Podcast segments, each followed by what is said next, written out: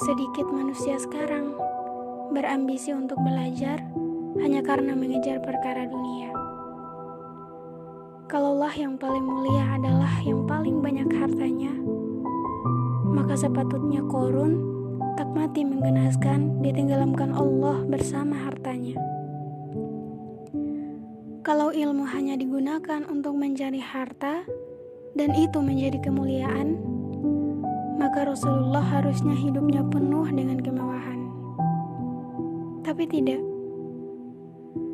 Karena ilmu bukan tentang seberapa banyak kamu memperoleh harta dengannya, tapi seberapa kebermanfaatan itu berdampak pada manusia hingga membuatnya bertekuk lutut dan bersujud di hadapan Allah. Jika surga telah menjadi cita-cita tertinggi, maka dunia tak lagi ada.